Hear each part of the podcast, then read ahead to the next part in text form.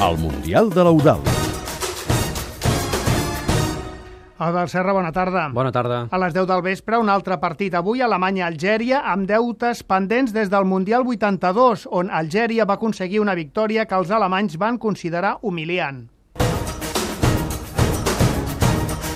És l'únic precedent en un partit oficial que hi ha entre aquestes dues seleccions. Va ser la fase de grups del Mundial 82 a Gijón, al Molinón. Alemanya, una de les favorites al títol mundial, s'enfrontava a una desconeguda Algèria que per primer cop arribava a la fase final d'una Copa del Món. Alemanya es va refiar i quan va voler rectificar ja no hi va ser a temps. Els algerians, amb un joc ràpid, incisiu i amb jugadors com Matger, que més tard li donaria la primera Copa d'Europa al Porto, o Belumi, considerat aquell any el millor jugador africà, van fer anar de corcoll els Breiner, Litbarski, Rummenigge, Stilike i companyia. Algèria va guanyar per 2 a 1 i va fer anar a remolc els alemanys tota la primera fase fins que va arribar al vergonyós partit de la darrera jornada amb Àustria que ja vam explicar on una victòria acordada va deixar fora Algèria de la segona fase.